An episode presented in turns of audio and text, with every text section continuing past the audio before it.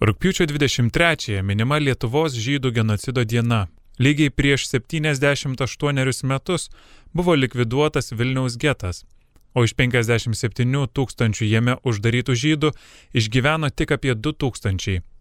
Toks pat likimas laukia Kauno, Telšių, Šiaulių ir kitose Lietuvos vietose į getus suvarytų žydų. Holokaustas ne tik žydų tautos tragedija, Kaltė dėl šios tragedijos palėtė ir mūsų kraštą. Tačiau siautėjant niekšams, rizikuodami savo gyvybėmis, daugybė mūsų tautiečių liko ištikimi viešpaties priesakui - mylėk savo artimą. Beveik tūkstantis jų pripažinti pasaulio tautų teisuoliais, daugybė apdovanoti žūvančiųjų gelbėjimo kryžiumi, tarp kurių daugiau kaip 30 kunigų. Papasakoti visų jų istorijas vienoje laidoje neįmanoma, todėl bent trumpai pristatysime keletą iš jų.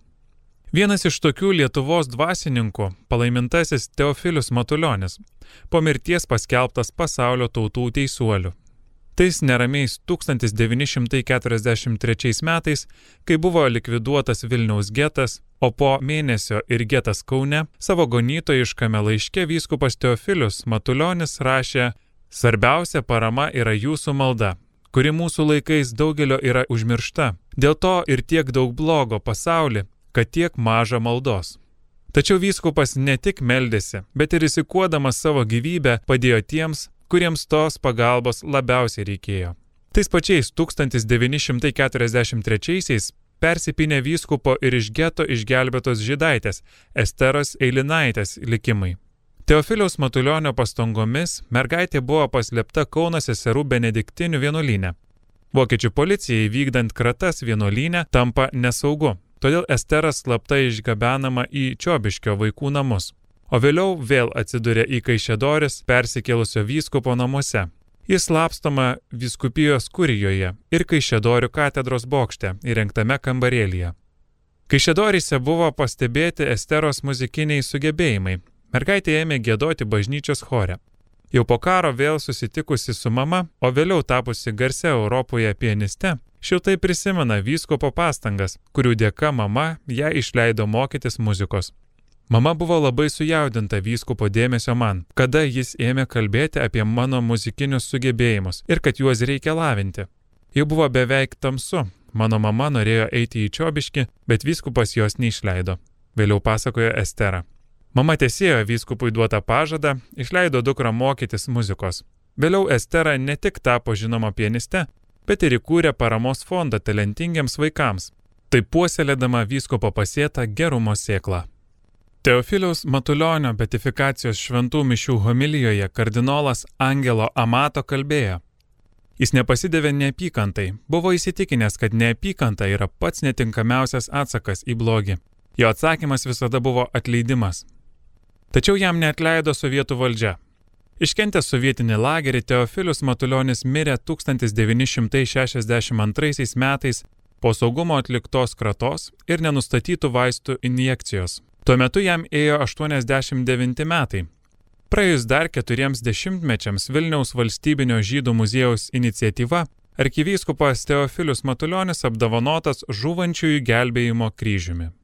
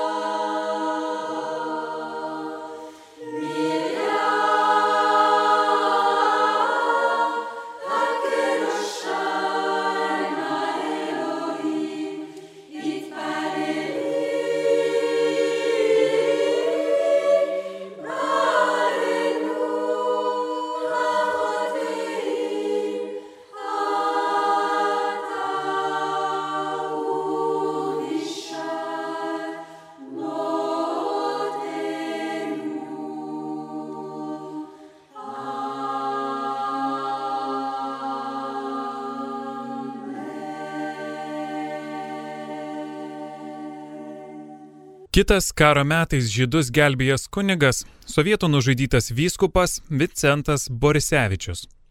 Jis, būdamas telšių vyskupu, draugė su kitais įteikė vokiečių valdžiai protesto memorandumą dėl žydų žudinių. Tuo pat metu globojo iš geto ištrūkusius vyrus, moteris, vaikus. Rėmė žydus, kurie glaudėsi pas telšių apskrities kunigus. Įdomu tai, kad tarp vyskupo išgelbėtojų buvo ir penki komunistai Kodėl rizikuodamas savo gyvybę tai darė vyskupas, kuris grįžus sovietams rėmė partizanus ir ragina prieš pavergėjus kovoti kumščiu? Atsakymų galime ieškoti vyskupo tikėjime ir atsidavime Kristaus mokymui. 1944-aisiais paskutinėme ganytojiškame laiške apie meilę artimui jis rašė Dievo meilės įsakymui panašus yra artimo meilės įsakymas. Artimo meilės įsakymo ne tik tie nevykdo, kurie artimą šmeižia, kėsinasi į jo gyvybę, į jo turtą, įtraukia jį į nuodėmę, bet ir jai reikale artimui nesuteikia pagalbos. Reikia tai įsidėmėti. Šie darbai tuo pačiu svarbiausiųjų Dievo įsakymų yra įpareigoti. Mes turime svarbų įsakymą paprastą vargšą sušelbti. Tai kągi kalbėti apie karo nelaimės ištiktuosius, kurie be mūsų pagalbos turės atsidurti mirties pavojuje. Turime ne tik teisę reikalauti, kad kiti mums meilę rodytų, bet turime taip pat ir mes meilę rodyti darbais. Tik darbai parodys, kad mes esame krikščionys. Žmogaus gyvybė vyskupui buvo svarbiau už tautybę ir politinius įsitikinimus. Tačiau paties vyskupo parama Lietuvos partizanams neprasprūdo pro KGB akis. 1946 metais jis suimamas ir tardomas. Teisme jam leista pasikviesti liudininkus. Viso labo atvyksta 12. Visi 12 buvo nacijų laikais vyskupo išgelbėti žydai. Jie paliudija, kad vyskupas juos išgelbėjo nuo mirties ir globojo sunkiais laikais. Nepaisant liudytojų pastangų, teisėjai tyčiojasi ir pasmerkė Vincentą Borisevičių myriop. Vyskupas Vincentas Borisevičius iškart po teismo nužudytas KGB kalėjime šuviu į pakaušį ir palaidotas Tuskulėnuose. Tik atkūrus nepriklausomybę jo palaikai buvo surasti ir perkelti į telšius. Amžininkai 1878 metais Vilkaviškio apskrityje ant Češupės krantoje įsikūrusiame Bebrininkų kaimelyje gimusi Vincentą Borisevičių prisimena kaip gabų jaunuolį, jautusi stiprų kunigo pašaukimą. Nors buvo suabejota jos veikata, tik užsispyrimo ir atkaklumo dėka priimtas į Seinų seminariją. 1927 metais jis tapo ką tik įsteigtos Telšių seminarijos rektoriumi, o 1940 metais išventintas į vyskupus. Viena po kitos besikeitusios okupacijos persekiojimai nepalaužė jo dvasios. Prieš pat mirtį vyskupas kalbėjo. Tie bičiuliai, kuriuos galėjau prie žaizdos dėti, man paruošė kelią į mirtį. Aš jiems atleidžiu, tegul ir Dievas jiems atleis. Todėl neatsitiktinai sovietų nužudyto vyskupo istoriją į monografiją sudėjęs Andrius Balnis rašo. Jis kentėjo ne kančių dėliai, bet iš meilės Dievui ir artimui. Kaip neregimas kalnas jis iškyla mūsų tarpe ir įkvepia mums pagarbą absoliutaus šventumo akivaizdoje ir padeda mums pajusti persikeitimo galimybę į Dievo panašumą.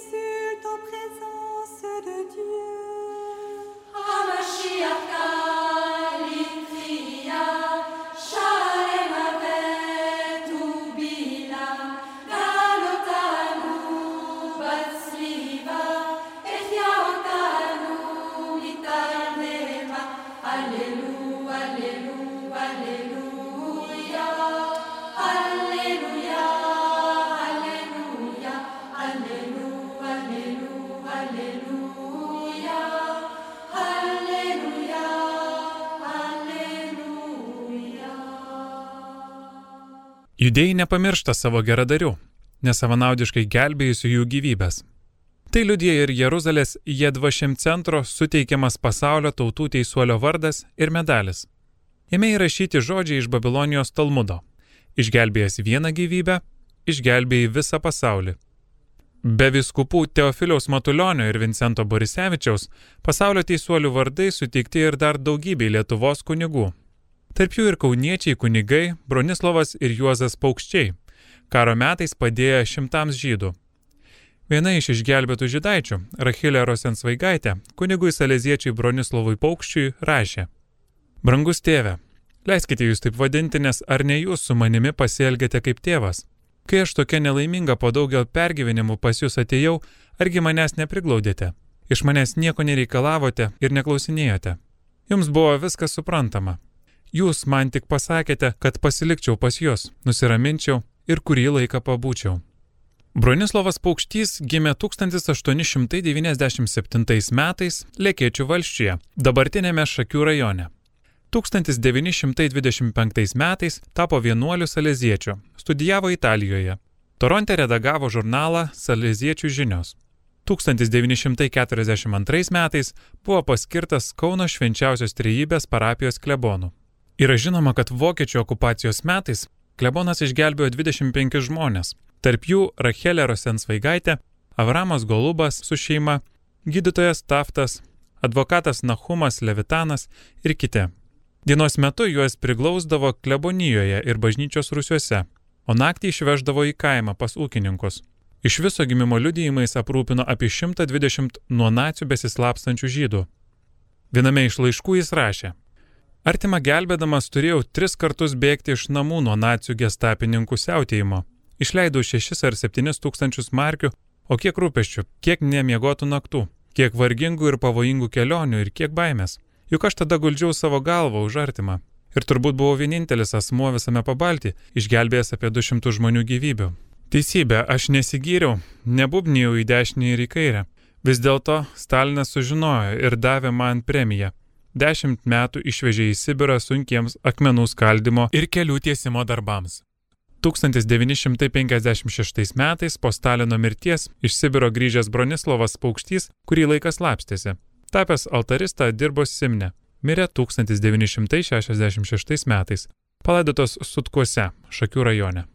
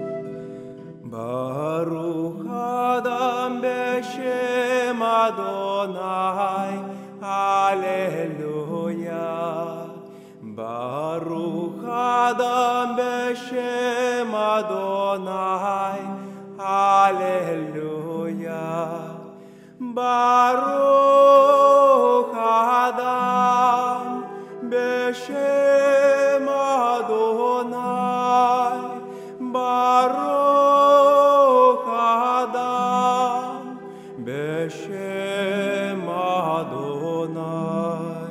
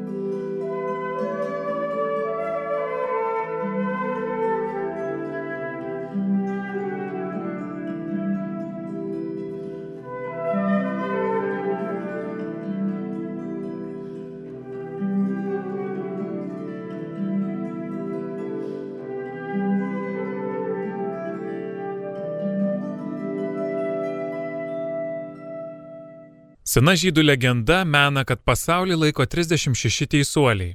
Jie nieko nesiskiria nuo paprastų mirtingųjų ir dažnai nenujaučia esantis teisuoliais. Bet jei nors vieno iš jų nebūtų kiekvienoje kartoje, žmogiškasis skausmas pražudytų net naujagimių sielas ir žmonės uždustų nevilties jūroje. Jų vardai lieka žmonių prisiminimuose, nors biografijos faktai dažnai pasimeta istorijoje. Vienas tokių iš lygumų parapijos kilęs kunigas Kazimieras Kavaliauskas. Jis su 17-mete mera Šneiderytė susitiko Žagarėje. Mera su tėvais ir broliu, kaip ir kiti pašvitinio miestelio žydai, buvo suvaryti į Žagarės getą. Tėvui pavyko pabėgti, o meras pagailo vietiniam policininkui, kuris patarė apsimesti Lietuve. Policininko globojama ir teismo laukiančią žydaitę kunigas surado miestelio mokykloje, paprašė išvardyti, ką iš pašvitiniečių pažįsta ir pažadėjo išgelbėti. Netrukus virš merginos galvos vėl pakibo mirties grėsmė, nes atsirado paliudijusių tikrąją jos kilmę. Tada buvo sukurta istorija, kad merą pagimdė lietuvė ir spaudžiama skurdo atidavė auginti kaimynams šneideriams. Pošvitinio klebonas Jonas Teišerskis teisme paliudijo, kad mergaitė pakrikštijo Marijonos vardu. 1942 metais teismas pripažino merą Lietuvaitę Marijoną Navickaitę. Išvengusi holokausto, ji liko žagarės apylinkėse, sukūrė šeimą, augino vaikus.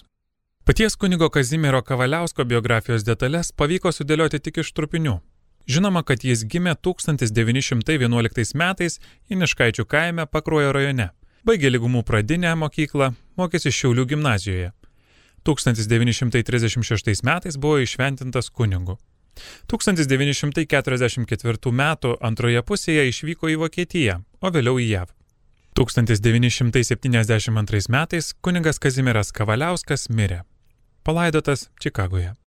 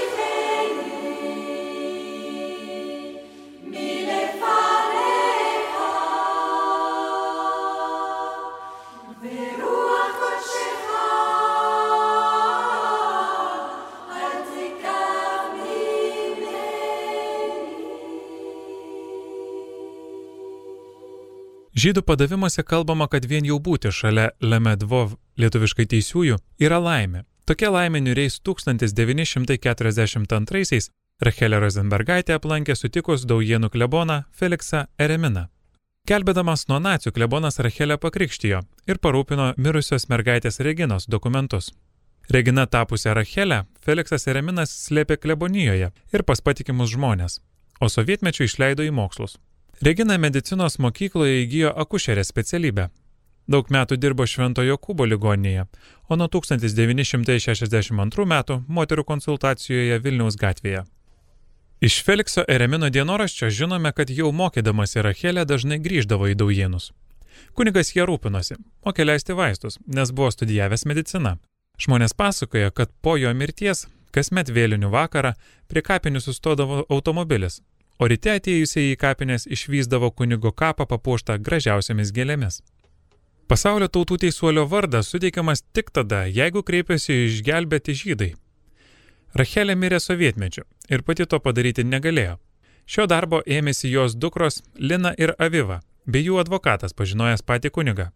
Jie surinko liudijimus, reikalingus dokumentus ir perdavė išsaugotas kunigo nuotraukas.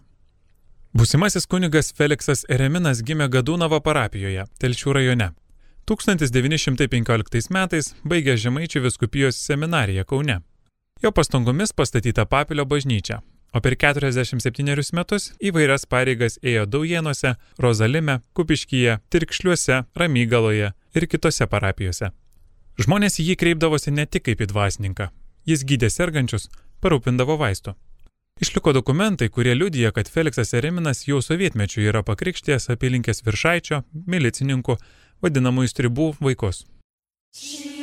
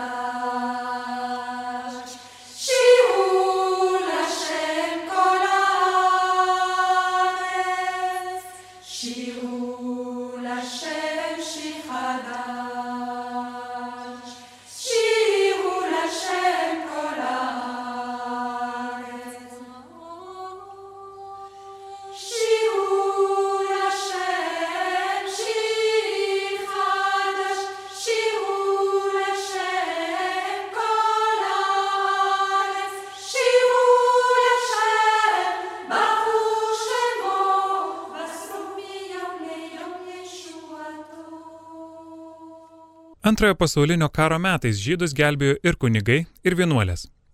Persiekėjami žydai buvo slepiami vienuolynuose ir katalikiškose prieglaudose. Pavyzdžiui, Vilniaus valstybinio archyvo direktorius kunigas Juozapas Takauskas, padedamas vienuolės Marijos Mikulskos, metus slėpė 12 žydų. Visi jie laimingai sulaukė vokiečių okupacijos pabaigos. Katalikiškoje Vaiguvos prieglaudoje, kuriai vadovavo Marija Rusteikaitė, buvo slepiama 15 žydų iš Kauno ir Šiaulių getų. Slepiamoms moteriams buvo parūpinti fiktyvūs pasai, o vaikams - krikšto dokumentai. Pavilnio Dominikonų vienuolynė Anos Borkovskos ir kitų vienuolių pastangomis buvo slepiama 17 žydų, tarp jų ir Vilniaus geto antifašistinio pasipriešinimo organizacijos nariai. Žydus gelbėję dvasininkai neturėjo jokių privilegijų, rizikavo būti įkalinti ir sušaudyti. Antai vokiečių ypatingasis teismas Kaune nuteisė trejus metus kalėti karmelitų bažnyčios kunigą Vaclavą Tomaševičių už tai, kad jis 1943 m. gruodį išdavė krikšto metrikus iš geto pabėgusiai žydaitiai Arnovskytei ir sušelpė ją šimtų reikmarkių. Vis dėlto sovietų valdžia šį kunigą 1946 metais ištrėmė į Sibirą. Už pagalbą žydams gestapas buvo suėmęs Kauno Švento Antano parapijos kleboną kunigą Juozapą Želvį. Žemaičių kalvarijos kunigas Pijus Anziulis vienuolyno Rusyje trejus metus slėpė 17 žydų. Už tai jis buvo suimtas ir kalintas Lukiškių kalėjime. Už pagalbą žydams buvo suimtas ir Tauragės apskrities Vainuto miestelio kunigas Dominikas Dundulis. Kiti kunigai paukojo ir savo gyvybės. Kaip antai už pagalbą žydams buvo sušaudytas Tauragės kunigas Pranas Gustaitis. Vilniaus apskrityje Kudžiūnuose gelbėdamas žydus žuvo kunigas Vitold Gorosek. Nemažai išgelbėtų žydų vėliau tapo garsiais muzikais, mokslininkais, rašytojais. Lietuvos poetas Alfonsas Bukontas taip pat išgelbėtų žydų vaikas. Apie savo gelbėtojus jis prisimena. Rizikuodami savo gyvybę mane įsūnijo ir augino Dapšių kaimo ūkininkai - Marija ir Jeronimas Bukontai. Jų namuose aš buvau ne tik saugus, bet ir nepaprastai mylimas. Čia po kurio laiko mane slapta aplankė kunigas Martingus. Pakrikštijo Alfonso vardu ir suteikė Bukonto pavardę. Po to kažkam įskundus kunigas turėjo rimtų nemalonumų su policija, tačiau laikėsi tvirtai ir laimėjo. Taip rašė man viename laiške. Kiek tiksliai Lietuvos dvasininkų gelbėjo patys ir dalyvavo gelbėjant nuo mirties žydus, iki šiol nėra tiksliai žinoma. Pasaulio tautų teisuolių vardai Lietuvos gyventojams pradėti teikti tik žlugus sovietiniam režimui. Todėl daugelis išgelbėtų žydų paliudyti nebespėjo, neišliko ir dokumentai. Valstybinio Vilniaus Gaono žydų muziejaus surinktais duomenimis Lietuvoje žydus gelbėjo 159 dvasininkai. Kitais duomenimis tokių būta 162. Visų jų istorijų išvardyti vienoje laidoje neįmanoma, todėl prie jų dar grįšime. Tekstą parengė Mykolas Deikos.